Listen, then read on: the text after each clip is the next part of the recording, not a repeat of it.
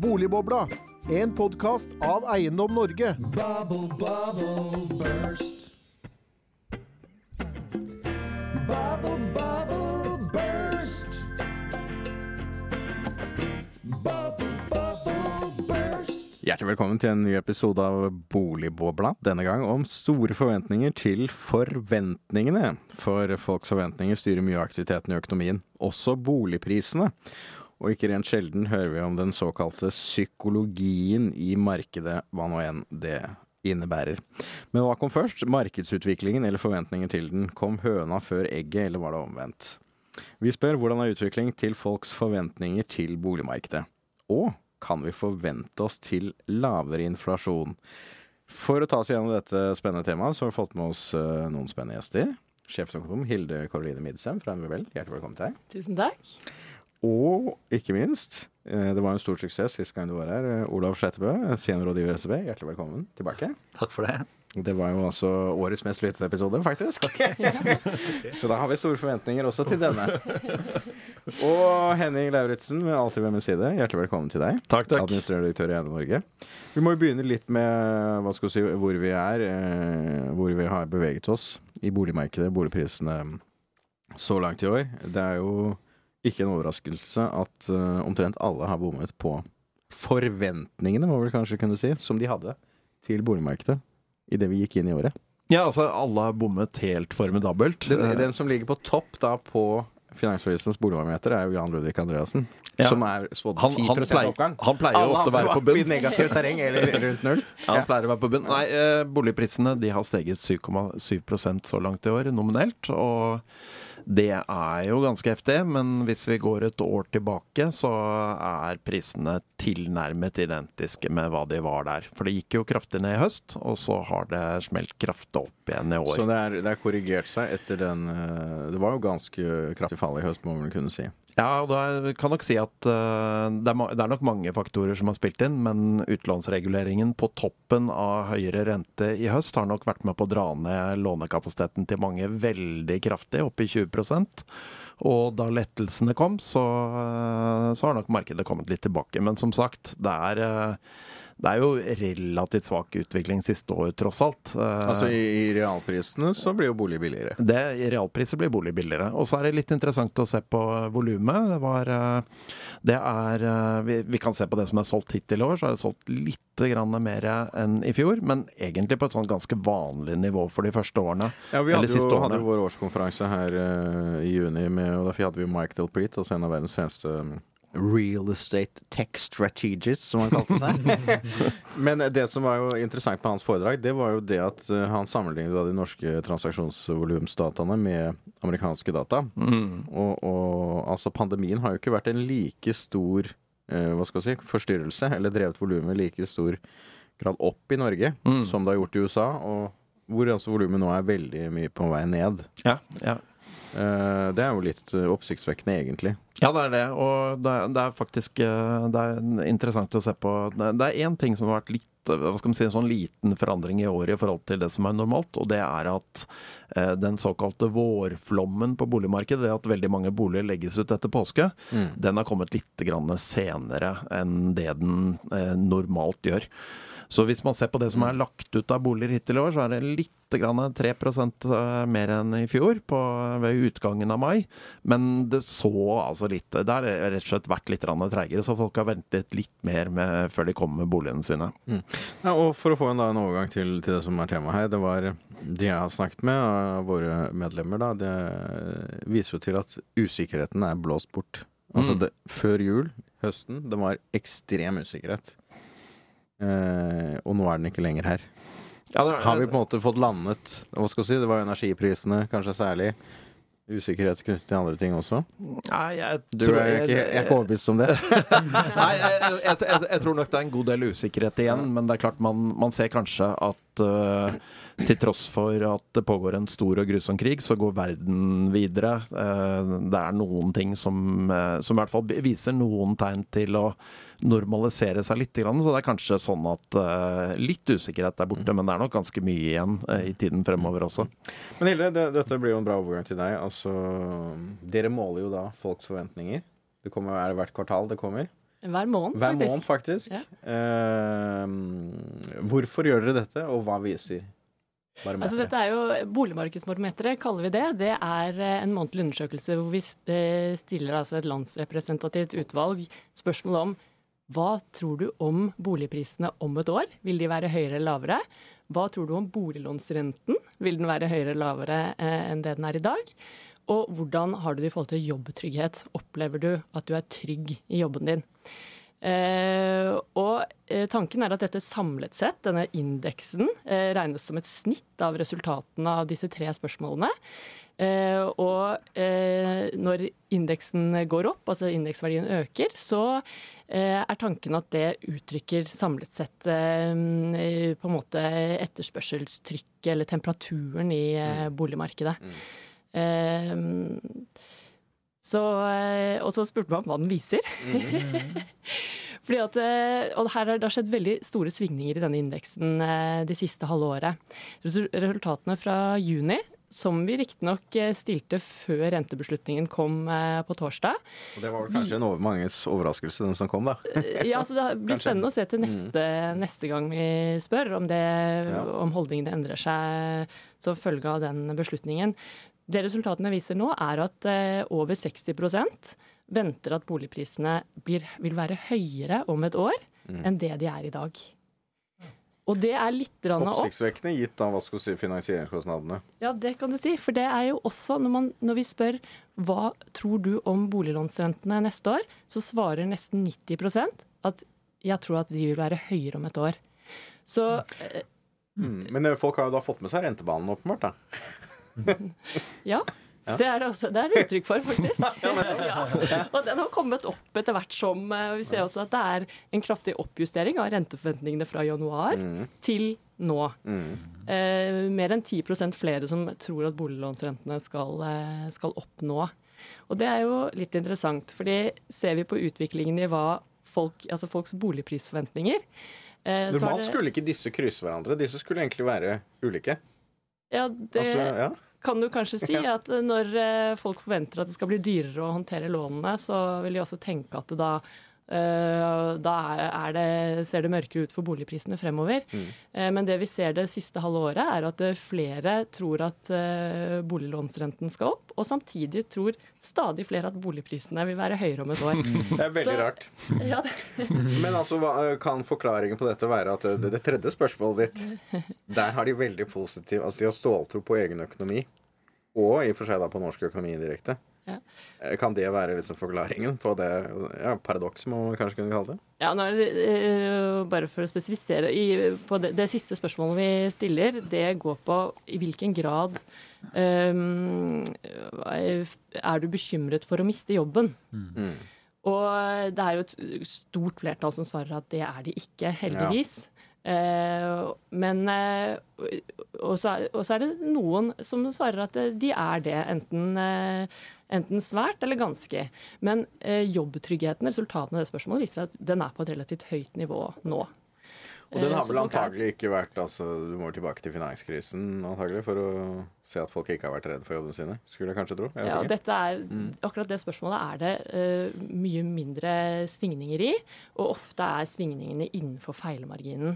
Eh, Så det er litt uh, vanskelig å tolke, men vi ser at nivåene på jobbtrygghet er litt høyere nå- nå enn det de var for et år siden. Og så ser man også at det var noen utslag under pandemien. Jobbtryggheten falt eh, kraftig våren Men da falt jo 2020 også og kom ja. raskt tilbake.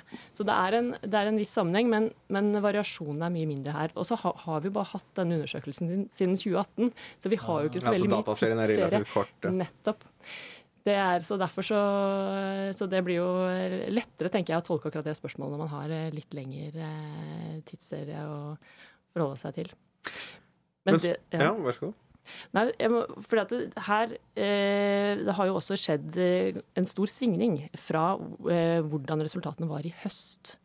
Fordi i november i fjor så svarte altså fire av ti husholdninger at de trodde boligprisene ville være lavere om et år. Og så gikk Så, så det her har det vært nærmest en helomvending i husholdningenes boligprisforventninger. Og hvor Fra- mange var det som, er det som sier det samme nå?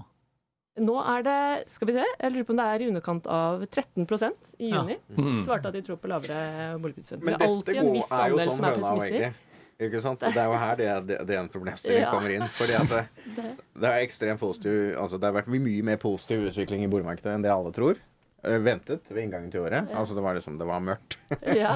Ikke sant? I høst. Og energiprisen Det var jo Energiprisrallyet Den toppet seg jo ut på nesten 10 kroner kilowattimen på strøm. liksom. Det var jo dramatisk. Ja.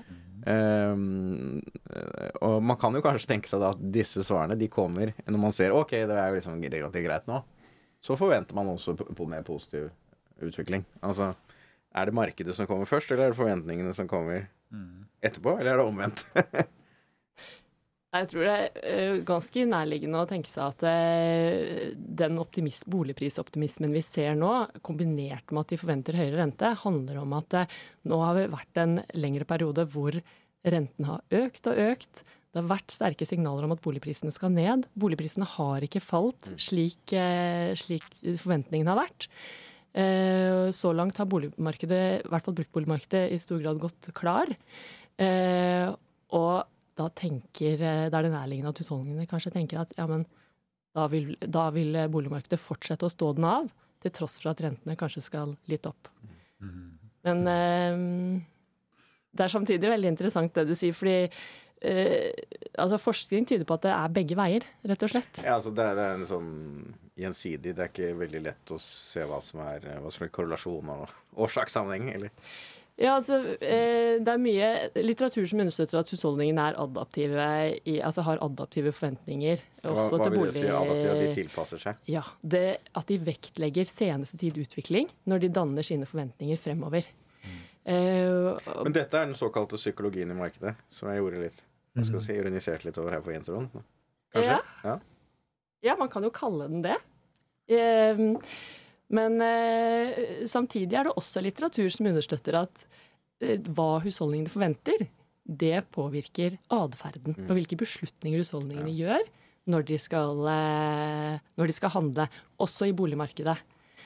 Og ehm, eh, det er noen eh, forskere på Stanford som nylig har samlet masse ulike studier på akkurat dette, eh, som viser at eh, det er er, begge disse sammenhengene er eh, ganske tydelige i flere studier. Og at eh, forventningene til boligpriser påvirker husholdningenes eh, både beslutninger om de skal selge eller kjøpe, men også hvor, hvor langt de vil strekke seg i forhold til, å, Altså på i budrunde til gjeldsbelastning og i budrunder. ja. Ja, og gjeldsopptak, ja. Men dette, var, dette er jo en strålende overgang til deg, til deg Olav. Fordi at eh, i det litt bredere økonomiske hva skal vi si, debatten, så er jo det store spørsmålet det er jo eh, inflasjon. Og da målt som konsumprisindeksen, som dere i SSB lager. Og så er det jo da sentralbankene. Mm. De legger jo stor vekt på nettopp inflasjonsforventningene. Ja. Eh, og hvordan inflasjonsforventningene da skal dra konsumprisindeksen i den ene eller andre retning. Mm. Du som er fagperson, hva, hva er det dette her egentlig innebærer? altså, Nei. Ja, hva er det det innebærer? Altså, Norges Bank eh, sier jo at eh, pengepolitikken virker eh, gjennom mange kanaler. Og en av kanalene de trekker fram, er forventningskanalen. Eh, og dette er noe som har på en måte blitt viktigere og viktigere i sånn akademisk forskning på pengepolitikk de siste tiårene. ja, riktig. Så det er egentlig ganske nytt at sentralbankene snakker så mye om f.eks. Ja, rentebanen. en egen, de måler jo det også. De har et eget eh, ja, barometer. Ja, De måler inflasjonsforventningene, men det er ikke sånn at de har gjort det i alle år. Og det er heller ikke sånn at rentebanen egentlig er en veldig gammel oppfinnelse. Det er en nokså moderne oppfinnelse. Ja, altså prognosen de selv Nettopp. noe. Prognosen de selv legger til grunn for for jeg husker jeg så på pengepolitisk rapport for 20 år siden, så var jeg liksom skikkelig litt i det. Der var det ikke noe rentebane. Det ser helt annerledes ut. Det er jo noe, noe de har begynt med relativt nytt, ja. Men det er fordi grunnen til at man har blitt såpass opptatt av forventninger, både liksom eh, hva folk, vanlige folk tror, og hva innkjøpssjefer tror, er eller pris, prissettere, da. Den De er det jo veldig mange som legger vekt på. Den er det mange som legger vekt på, for det er jo da folk som på en måte mer eller Er mindre kan Ja, de er aktører. De kan sette priser, ikke sant, som, et, som er i mikro, og så i makro så blir dette liksom eh, endringene i konsumprisindeksen. Mm. Tror man, da. Uh, og på, det, på den ene siden forventningene til disse til disse greiene. Og på den annen side eh, så er Norges Bank veldig nøye med å kommunisere hva de selv tror om sin rente og, Mm. og om inflasjon. Ja, fordi de, er jo, de bruker jo 'vi forventer'. Altså De bruker Ja, den ja, ja, de formuleringen det. også. De er opptatt av det og snakker om det hele tiden. Eh, Men dette henger sammen med eh, nokså ny akademisk forskning i makroøkonomi. Når jeg sier nokså ny, snakker jeg de siste ti årene. Mm. Eh, Man har selvfølgelig alltid visst at forventninger spiller en rolle. Men man har ikke kunnet kanskje folk- identifisere det. Nei. Nei. Så, så en god del økonomer av den litt eldre skolen, som Robert Solo og sånn, vil nok si at ja, er litt skeptisk til hele, hele den der ideen om å operasjonalisere forventninger og virkningen av forventninger på faktisk inflasjon. Altså, for det blir så abstrakt. Jeg- det er ja, nesten umulig å måle. Ekstremt, altså, hvis jeg skal se det litt utenfra, så det virker det jo litt som den der boka The Secret.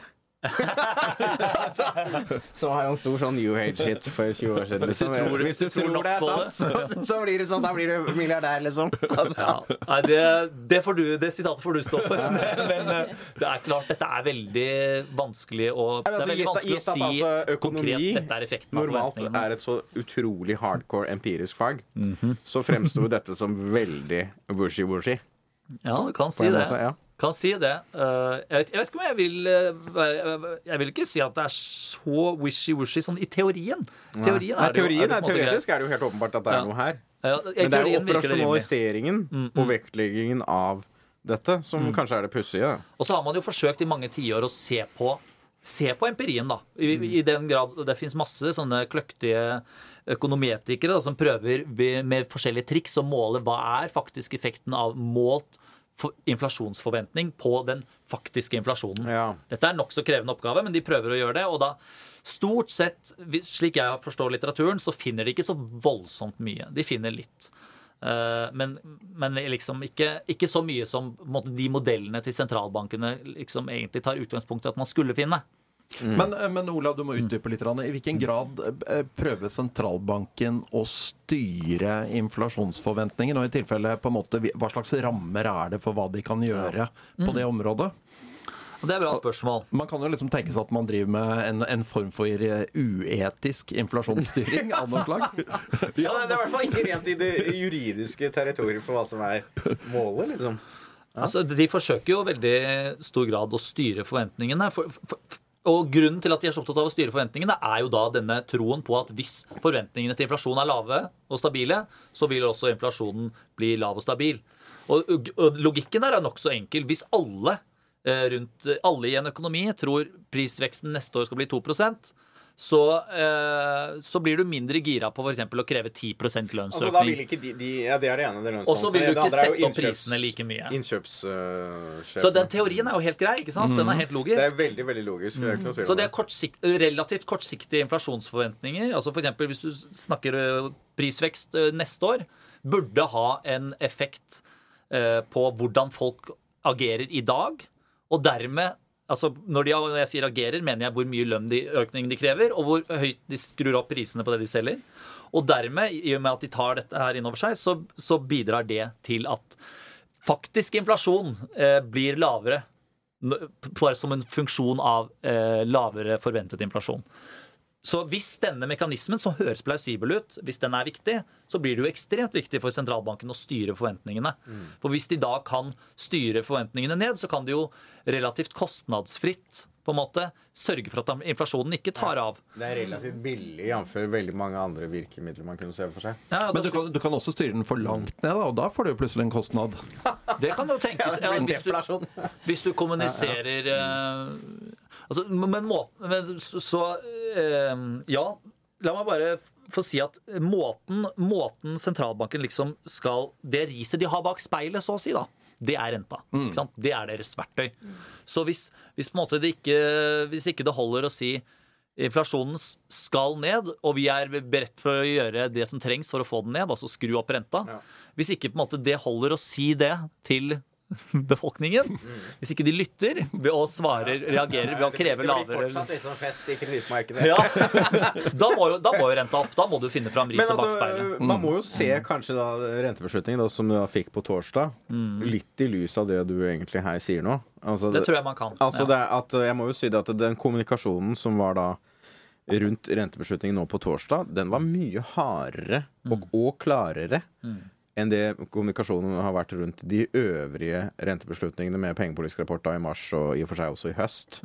Altså jeg syns det var mye sånn altså, eh, Også i forhold til den pengepolitiske strategien, som du vil kanskje tro er mer sånn OK, vi, vi slår til med to halve, altså to 0,5% opp, som vi gjorde i høst. Og så tar vi det mer suksessivt. Men nå slår jo til med enda en halv. Altså det var det jeg egentlig var mest overrasket over nå. For jeg hadde sett for meg OK, nå skal vi gå mer gradvis. For vi har jo hatt sterk kommunikasjon i høst. Eh, og det har også andre sentralbanker. Og så, men altså nå er det liksom bang! Og vi vet jo i USA, da var det jo nå pause på renteøkningen. Altså ja, Norges Bank ligger etter uh, sammenlignet med de andre landene, men, men jeg syns jo det var veldig sånn Det var veldig kontant nå. Tror du det kan- har noe med nettopp den forventningsdannelsen å gjøre? At KPI i Norge også har jo ikke, har ikke avtatt uh, noe nevneverdig. Egentlig. Nei. Eh, ja, jeg, jeg, jeg tror jo at de legger stor De sier, Norges Bank sier veldig tydelig vi legger stor vekt på forventningene, og vi er opptatt av å kommunisere tydelig. Eh, så jeg tar dem eh, jeg, jeg, tar, jeg tror på det de sier, og når de kommuniserer på den måten, så tror jeg det handler veldig mye om at de skal overbevise folk om at de mener alvor. Ja. De er villige til å liksom stå løpet Det er jo nettopp det. Det er, det er jo sånn det er jo, Jeg syns jo det hauk og due-begrepene er utrolig dust. Men, eh, men altså Dette Det er kule, Erik. Nei, det er, det, er, det er så banalisert. Det er så banalt. Det er liksom sånn Det er, sånn, det er, det er liksom sånn Det er enten-eller. Det er jo mye mer komplekst enn det, selvfølgelig. Ja. Men øhm, Men øh, Altså, det, det er jo det ene. Det andre er jo um, målingen av disse forventningene. Jeg ser jo Norges Bank har jo det var, Nå var jo da forventningene i deres måling nå det var jo, I det korte bildet hadde den jo økt. I det lange bildet hadde den gått ned. Altså Kan det være sånn at de nå prøver å få det korte bildet ned også? Ja. Med dette, denne I teorien her. så er det vel de kortsiktige forventningene som på en måte skal påvirke Ja, de langsiktige skal påvirke mindre.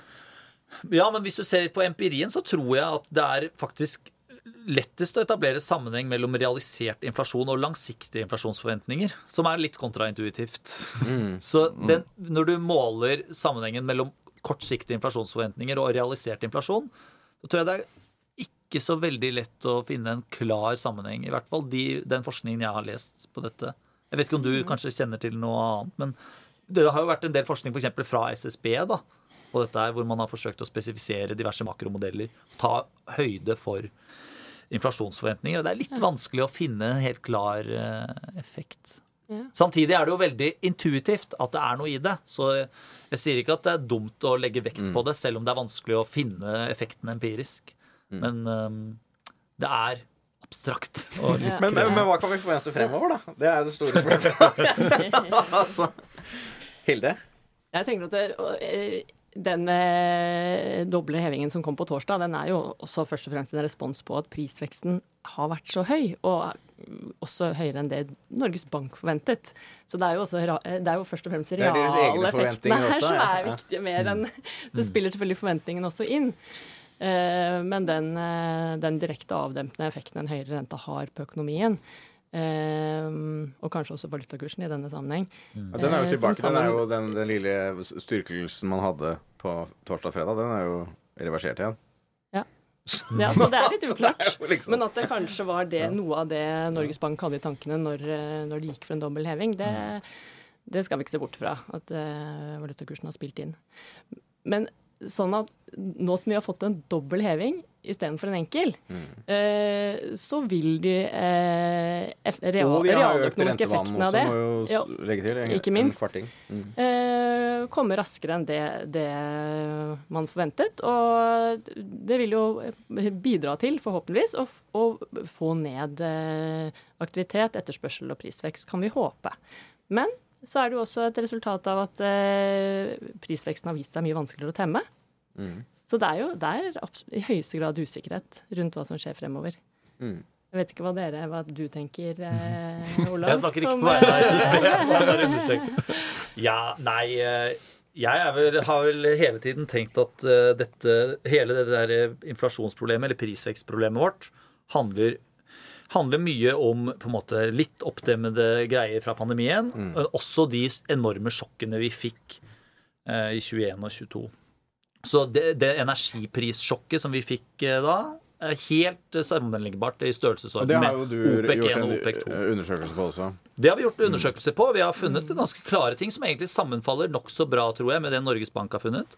At uh, veldig mye av den prisveksten i KPI i, uh, og, eller andre mål for prisvekst var kraftpriser i 2022. Så det, det mener jeg er liksom Det er veldig godt etablert. Og så eh, lagde vi også en sånn analyse som ser på hvor mye har kostnadene til norsk næringsliv økt som følge av dette. Ganske mye. er altså en sånn kryssløpstype tankegang. Og kostnadene har økt ganske mye, mens eh, salgsprisene ikke hadde økt like mye. Så da har du på en måte litt skvisede marginer og potensielt en god del prisvekst i pipeline. Ja. Så når, når du ser en del prisvekst nå begynner å ta, ta seg opp Så er det forsinkelse. Sånn kan man i hvert fall rimelig tolke det, syns jeg. Eh, Så den der historien om greedflation, som på en måte Til og med Ni- Nicolai Tvangen har Nicolai Tvangen har trukket fram, den tror jeg er etablert nokså godt uh, i eurosonen. Altså, der, der Når man kan, så øker man prisen. Det når man kan, så som, øker man prisene. Eh, Hva skal du si, I mikro, da, som du kaller det, så, eller som aktør, så vil det være veldig rasjonelt å Helt rasjonelt. ut i prisene Ja, ja. får, og det har jo vi, vi ser jo det. Når du har noe å skylde på, så øker, du prisene. Og uten dårlig PR. Men i Norge er det litt vanskelig for 2022 å vise at det var en spesielt viktig effekt. Nei. Men uh, at det kan bli viktig i 2023 og kanskje fremover, mul muligens. Mm. Men jeg tror som sagt at det handlet veldig mye om et eh, sjokk som i noen grad må tyte ut i økte priser. Uh, Ja, det ville vært bare veld- for å holde vært marginene ja, der de var. det ville vært veldig rart hvis de ikke gjorde det. Ja, det ville vært veldig veldig altså, det er klart at det Strømprisene det er jo et betydelig skift, ikke bare glo- altså elektrisitet, gasspriser. Det er jo et betydelig skift, ikke bare globalt, men også i Norge. Altså, det er jo også noe strukturelt med strømmarkedet som er helt annerledes. Jeg ser jo det er jo smått absurde strømpriser uh, nå gjennom helgen, f.eks. Altså fra minus til heftig opp. Ikke sant? Det er jo strukturelle endringer også i kraftmarkedet, både med utenlandskabler, men også med fornybar energi, som, som vind og sol, som vil i Norge kunne dra prisene veldig, veldig langt ned eh, på dagtid, typisk.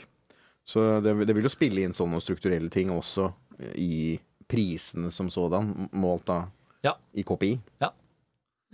Men eh, om vi er i en sånn spiraltype situasjon, det har jeg egentlig ikke inntrykk av at forskningen viser foreløpig. Altså, man er jo alltid ty i en spiral, på en måte. Det er jo alltid slik at, Altså, lønnskrav Ja, ja. svarer på prisendringer. Ja, ja, ja. Økonomien er på en måte en slags spiral. Men om den går helt ut av kontroll, det, det tror jeg ikke vi har sett noen klare tegn til foreløpig. At prisveksten drives. Men altså, det, som jeg, det som jeg har vært opptatt, eh, ja, det som jeg har vært opptatt av, som er jo forskjellig fra nå Uh, og fra tidligere hva skal du si, tider med inflasjon, da, altså 70- og 80-tallet typisk, det er jo altså da um, konkurranse, for det første, og informasjon. Altså informasjonen om priser, den er jo sinnssvak instant i realiteten i dagens økonomi. Uh, kontra hva den var for 30-40 år siden, eller bare 20 år siden, Ja, ja, ja. for den saks skyld. Eller 10 år siden, for den saks skyld. Altså, Bare snakk om boligprisene som vi selv publiserer. Altså, det har bare blitt bedre og bedre og bedre og Ja. bedre. Og det har kommet raskere og raskere og raskere. Enorm forskjell. Hvis du tenker på eh, tidlig 80-tall med Paul Folker, sentralbanksjef Mm. i USA. Han ble, han ble jo liksom henta inn av Jimmy Carter for å Mm. liksom virkelig knekke Han regnes jo liksom som den mest suksessfulle sentralbanksjef i verden noensinne, kanskje? Vil man han, kanskje han, kunne regnes, han regnes som på en måte mannen som klarte å knekke Han har fått æren for det. Han har fått æren for det. Det, det. Men dette er jo en lang diskusjon. Det er en lang jeg, jeg vil gjerne moderere det inntrykket litt. Men, det, men han, han regnes definitivt som en veldig viktig sentralbanksjef i amerikansk historie. Men den prisveksten han skulle håndtere den gangen, og grunnen til at jeg nevner dette nå, er det du nettopp sa, med informasjon. Den prisveksten var jo feil målt. Der var det en god del ganske banale, eller ikke banale, men det var ganske grove feil i hvordan rett og slett eh, det amerikanske statistikkbyrået målte prisvekst, som gjorde at prisveksten eh, i realtid ble overvurdert med flere prosentpoeng. Okay, så, så, så, han, han, og det la han til grunn for sine beslutninger? Nettopp. Han måtte jo nesten det. Det så mye verre ut enn det var. Ja.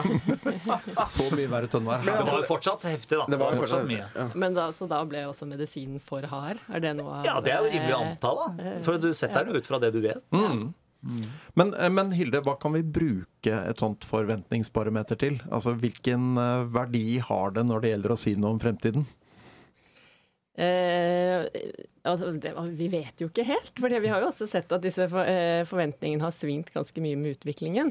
Men det man kan tenke seg nå, er jo at eh, eh, det gir jo det at husholdningene har, har fortsatt tro på boligprisvekst. Til tross for at vi er på et veldig høyt rentenivå, og at de Ja, forventer vi at vi vet ikke om de har det nå etter siste renteøkning, da.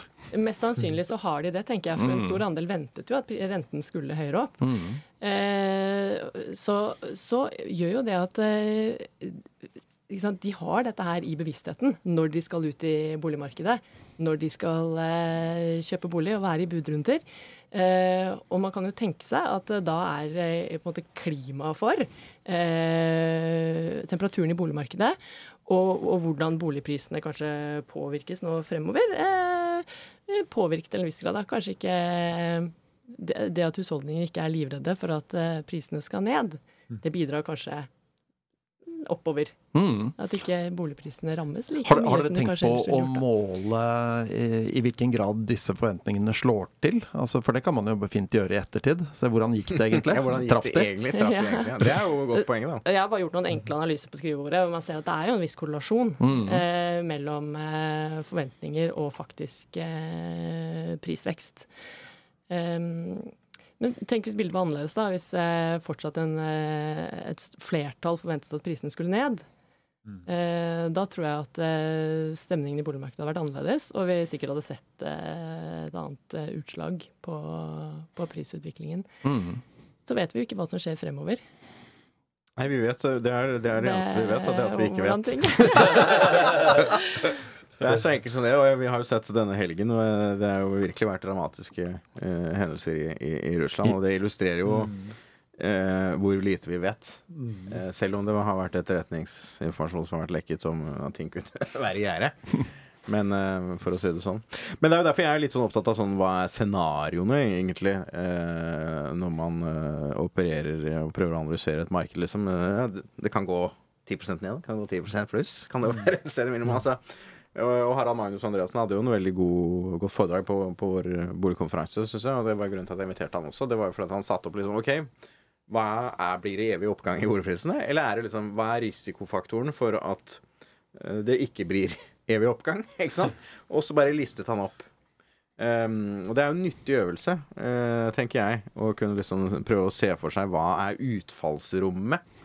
Typisk enten det er en indeks, altså KPI for den saks skyld, forventningsparametere, rentebanen for den saks skyld også. Og det er jo en vifte der også. eh, usikkerhetsvifte, kall det hva du vil. Uh, hva tenker du om det? De tankene, Olav? Burde vi hatt et sånt på KPI, et litt sånn utfallsrom? Ja, det kan bli 10% liksom. Det kan bli uh, 2 Det kan bli ja, Ja. status quo. Altså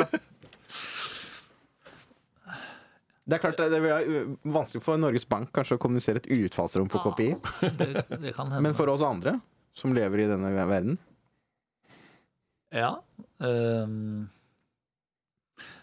det kan jo kanskje være litt nyttig å se på detaljer på en sånn type prisindeks, og se Ja. om du kan eh, trekke noe ut av det. Altså er, er, det som vi var inne på i stad, er det, er det liksom veldig norskdrevet inflasjon? Eller her handler det mye om hva som skjer i utlandet og import, importerte ting?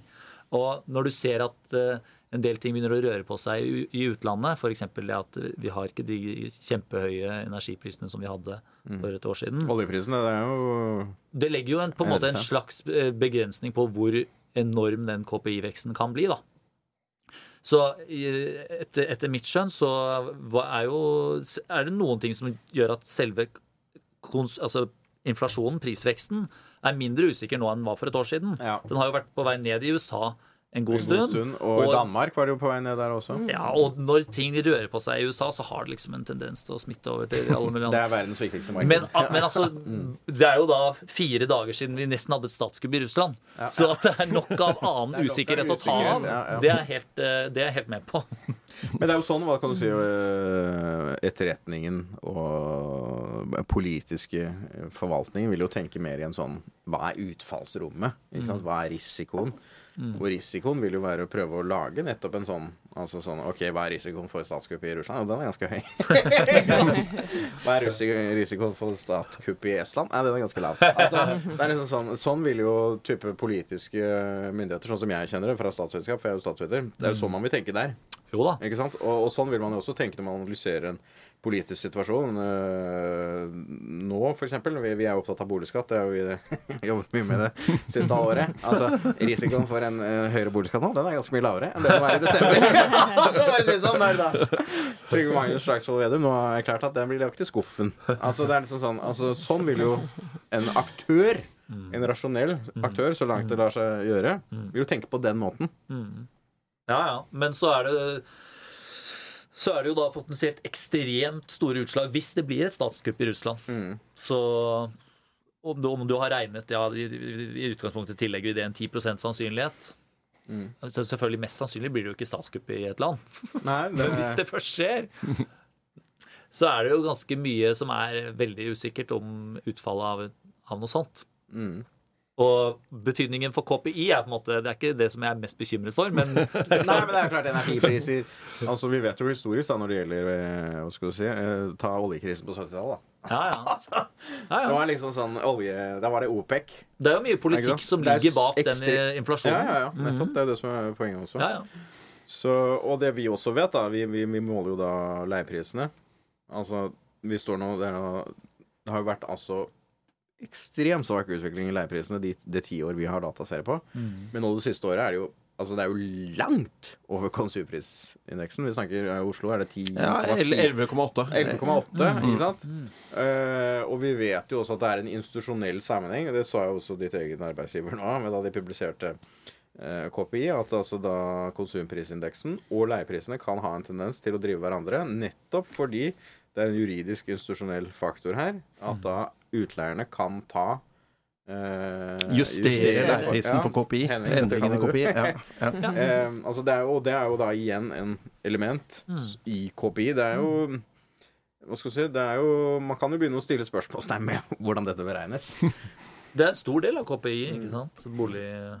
Ja, for det, Og det er jo ikke det, det som er jo en del av KPI. Det er jo ikke det er jo ikke den reelle låneutgiften. Det er jo en konstruert altså, bokostnad, er det vel? Er det ikke det? Ja, ja, ja. Ikke sant? Så, og hvor da leieprisene Ikke sånn som vi måler, for det er jo deres egen undersøkelse. Inngår i det. Mm, mm. Altså Det er jo noe Det er spiraler, ja, men du kan jo se for deg Måten man måler dette, kan- kan også påvirke Ja, det, er derfor, eh, det er derfor f.eks. den strømstøtta, da, som, eh, som kutter eh, prosentpoeng eller to i målt KPI, får jo effekt utover det direkte kuttet. Fordi den gjør jo da at alle de som skal sette opp leiekostnadene, kutt, hever, hever da med to prosentpoeng mindre enn de ellers ville gjort. Så, ikke sant? Det er ganske greit. Ja, ja. Så alt, Ja, og alle andre kontrakter hvor du har en kopijustering, ja. som er ganske mange. det er ganske Ja, mange. det- Så den, den, men det, det er jo det som er interessant med den strømstøtten og den undersøkelsen dere gjorde. Bare hvor utrolig altså pinpointe du kan faktisk gjøre ting i økonomien med Ja, kall det det en form for intervensjon. Ja, ja, ja. Og det syns jo jeg er et sånt tema man burde se mye mer på. Så folk har en slags eh, Litt sånn gammeldags diskusjon, syns jeg, om eh, rollefordelingen mellom finanspolitikken, altså budsjettet, statsbudsjettet og sånn, og pengepolitikken. da sitter man jo og ser på, på, ser på budsjettimpulsen Ja, sånn veldig liksom sånn in the big. så, det er helt feil måte å tenke på. Altså, altså se, på, se på store Men alle G. tenker jo sånn. Det er Ja, det som kan er sagt. kan ikke Ja, ja. tenke sånn, Ja, det er fascinerende. Må tenke på det som faktisk påvirker prisene. Ja. Så strømstøtten er jo en mikroskopisk del av totalen på budsjettet, selv om det er mange penger vi ja. Mm. snakker om. Men, men den har jo mye mer å si for KPI enn om totalen på budsjettet blir liksom sånn, eller om den blir sånn. Det er, det er veldig Det er sånn, litt sånn kulturbudsjetter, liksom. Det har antagelig ikke så veldig mye å si for KPI. Men det har veldig mye å si for de der som får et par hundre tusen til å lage noe samtidsteater. Ja. Ja, nei, så jeg synes man burde tenke Og, det, og det, er jo, det er jo også slik at en del av de landene rundt omkring i Europa som har en god del lavere KPI. målt det prisvekst, de, har jo, de har jo nettopp sagt til noen sånne byråkrater Finn ut hva slags type støtte vi kan gjøre som virker veldig direkte inn på KPI. Ikke sant? Og så har de Og så er det jo strukturelle ting. Altså Spania og Frankrike de har jo de har vel fastpris på energi. Ja, det er jo Ja. Altså- Mm. De har jo litt annet Ja, ja, ja, det, er, det, er jo, det er jo strukturer her ved markedet også. Ja. Eh, Ja. Som det vi var litt det vi var inne på her i sted. Mm. Ja. Men Henning, da, ser jo tiden løper. Den løper alltid. Hvor, eh, hvor forventer du vi skal i? Nei, jeg deler nok ikke Jeg tror ikke jeg er helt enig med disse i forventningsundersøkelsen til NBBL. Jeg er ganske sikker på at vi får et eh, svakere marked nå fremover. Og nå tror jeg vi kommer til å begynne å merke renten på boligmarkedet for en gangs skyld. Ja, altså det er jo klart at jeg så For min egen del så fikk jeg jo da varsel om eh, Altså fra juni fikk jeg da høyere rente fra banken. Og det Ja. var jo da fra mars-beslutningen. Så det er klart at uh, Nå er det jo ingen banker foreløpig, vi har ikke sett nyheten i dag, som har signalisert uh, at de har satt opp renten ennå. Ok. Så det er jo enten Nordea typisk, eller DNB pleier å være først ute. Det kan være andre også. Så det kan jo hende ting skjer utover i uken. Det er ikke gitt at dette blir én til én i, i, i utlånsrentene nødvendigvis. Absolutt ikke, men uh, det er nok noe som kommer til å skje i august en eller annen gang, som uh, med renten til, på lån til folk. Og så er det jo et rentemøte også da i august, såkalt mellommøte. Til og med på Arendalsuken skal dette presenteres. Den 17. august. Uh, vel andre gang Norges Bank skal gjøre det. Så um, Hilde, du, dine forventninger, da? Stemmer de overens med folks forventninger? Det er jo liksom det store spørsmålet her, da. Til deg. Ja, nei, nei. Nei! det var veldig klart for meg. Jeg tror kanskje at jeg eh, Jeg tenkte på dette her i mai, og da tenkte jeg jeg tror kanskje jeg ville vært i den gjengen som svarte uendret. At prisene er omtrent like Ja. neste, neste mai som det de var i mai. Men nå lurer jeg på om jeg egentlig er på, på lavere, altså. Jeg, Lavere. jeg, lavere boligpriser om et år enn en nå. Jeg, eh, jeg har jo lenge ventet på at eh, vi skal få et sesongjustert fall fremover. Og eh, den troen er sterkere nå i høst. Og så er spørsmålet om vi får en korreksjon på våren. Eh, Men slik signalene er nå, eh, hvor renten skal fortsette opp og, og nå en topp eh, som er markert høyere enn det bare for en, for, som man signaliserte for en måned siden, så tror jeg at eh, vi fort kan ha noen, en nedgang som eh, varer over flere måneder, og som ender på at boligprisene er lavere om et år enn det de er nå. Og det er jo ikke, det er ikke usannsynlig at eh, hva skal si, vi, vi kanskje ender på et par prosent da, i nominelle termer. Og det, det er jo realprisfall, som vi var inne på på Mm. introen. Og da blir, jo, da blir jo bolig billigere for folk flest. Olav, for dine forventninger. Du er, du er jo hva skal du si, sjefen for økonomiske feilslutninger, kalte jeg deg sist. Så Hva blir forventningene? Sympatisk behandling av gjester i podkasten her. Ja, ja. Eh, Til boligmarkedet? ja nå, eller nå, du kan jo være, I og med at du er SSB, liksom, så kan vi jo snakke om renter og KPI. ja. Konsumprisindeksen. Ja. Altså SSB har noen prognoser som jeg forholder meg til. Men, Mm. Men det er en egen, også- egen avdeling, da. Det er en egen det avdeling er som deg. sitter og Mm. lager veldig sofistikerte prognoser, som uh, har truffet uh, nokså bra. Uh, nei, jeg tror at uh, i og med at er på, inflasjonen er på vei ned ute, så er det, virker det sannsynlig at eh, Norge følger etter. Jeg, jeg har veldig vondt for å tro at eh, Norge skal få liksom sitt eget hjemmelagde infl inflasjonsproblem, at det bare skal bli en gigantisk spiral her, mens det roer seg ned ute. Det syns jeg virker helt usannsynlig. Men at det, at det nødvendigvis er rentehevingene som vil ta knekken på prisveksten, er jeg også litt usikker på. Men jeg tror, jeg tror jo at eh, man forholder seg til doktrinen, og at eh, rentene det, eh, Gitt den måten eh, sentralbankene tenker på, så ville det vært veldig rart om ikke det, disse rentehevingene kom. For da ville de jo på en måte det, det, vært uenige med seg selv. da hadde de ikke gjort jobben sin. Da. Det er jo så enkelt som det. Det kan du si. Ja. Antagelig. Gitt det Ja. hva skulle si, regimet og Men det er fascinerende å se hvor mye renta har gått opp i mange land uten at eh, arbeidsmarkedet har fått seg en knekk. Ja, og det er jo det som er oppsiktsvekkende, er jo Ja. hvor sterk økonomien faktisk er. Mm. Altså, det er jo Det er nesten så man ikke kan skjønne det. Det, nei, men det er nettopp det. Det viser jo at vi ikke skjønner det. Fordi det, den veldig sentrale måte, kanalen som renta skulle virke gjennom, ved at det skulle roe økonomien kraftig ned, har jo vært mye mye svakere enn folk trodde. Den har nesten ikke vært eh, altså, i, Ledigheten er rekordlav i ikke bare i Norge Og USA og, ja, ja. og USA. USA er laveste ledighet siden 1968. Arbeidsmarkedet er jo ekstremt sterkt. Arbeidsmarkedet er sterkt, altså. Og i eurosonen også laveste ledighet siden jeg vet ikke, 90, helt tidlig 90-tall. Ja. Så Nei, det, det, det utfordrer den tradisjonelle hva skal du si, eh, måten man har tenkt sånn rundt Ja. Men jeg tror likevel at prisveksten vil roe seg ned hvis ikke du får noen nye store sånne sjokk. Sjokk, ja. Men hvis Og du det- får et ja. kjempesjokk i Russland, så er jo liksom da Du kan se for deg at den, den, den, den risikoen her er knyttet til mer sånn geopolitiske, sikkerhetspolitiske ting, antagelig. Ja, ja, ja, ja, det tror jeg. Nei, men dette, tiden går og løper jo her. Det Når vi lager podkast. Vi har jo en fast spalte som vi alltid avslutter med, og det er jo din første bolig. Eh, Olav, du var jo sist og fortalte om din første bolig. Men uh, Hilde, du kan jo fortelle. Din første bolig, hva kjøpte du? Hva, hva slags bolig var det? Hva, hva følte du? Det er fritt. Det var en eh, leilighet i 2011 på Sagen i Oslo, som jeg kjøpte med samboeren min. Um, det var, dette var jo før utlånsforskriften. Det var Jeg jo tror da akkurat hadde eh, altså retningslinjene fra Finanstilsynet kom, så det var ikke Ja. noe formalisert ennå, nei. Jeg tror vi sprengte både femgangeren og egenkapitalskravet. Eh, Men det har vært great success, det. Vi solgte den et par til eh, for to millioner mer fem år senere. Hei. Så det sier jo litt om prisutviklingen Ja, i da den fikk det, var jo solgt i er 2016, så som altså. Det var jo. Ja. Det var jo Ja, vi, vet du, vi, ja, vi solgte i januar 2017, og det var akkurat i det Akkurat før- Rett før før folk hadde fått nye fremdeles da. Ja, og, rett før folk hadde fått fornyet eh, finans... Altså da, det var rett før eh, utlånsforskriften Ja. mm. begynte å virke, mars, så denne februar, tilstramming, mars tilstrammingen begynte å virke ordentlig. Så um, Perfekt timing, da. tror det var Så det det lønner seg å være sjefsøkonom. selvfølgelig. Nei, Olav, du, du, du er fort, kanskje fortsatt i den forrige boligen din. Du har ikke flyttet siden mars. har ikke rukket å flytte siden mars. Nei. Men var det din første, eller var det din siste bolig? Har det vært mange boliger i, i boligreisen? Eh, ikke så voldsomt mange, nei. Mm, det er en, det andre, den andre boligen eh, som jeg eier. Sammen med min kone. Jeg har jo rukket å gifte meg Ja, siden mars. gratulerer. så Ja, Da får jeg bedre vilkår. Får du bedre vilkår? Nei, men det var strålende. Nei, men vi må jo gå inn for landing, og vi kommer jo tilbake med nye episoder her eh, før vi vet ordet av det. Men hjertelig takk til Ola Slettebø, SSB, hjertelig takk til Hilde Karoline Midsem, eh, Edbøl, og hjertelig takk til deg, Henning Lauritzen, eh, alltid her i, ved min side i Boligbobla. Og ikke minst, god sommer. Takk for denne Herlig. gang. God sommer. God sommer. God sommer. God sommer. God sommer. Boligbobla, en podkast av Eiendom Norge. Bubble, bubble, burst.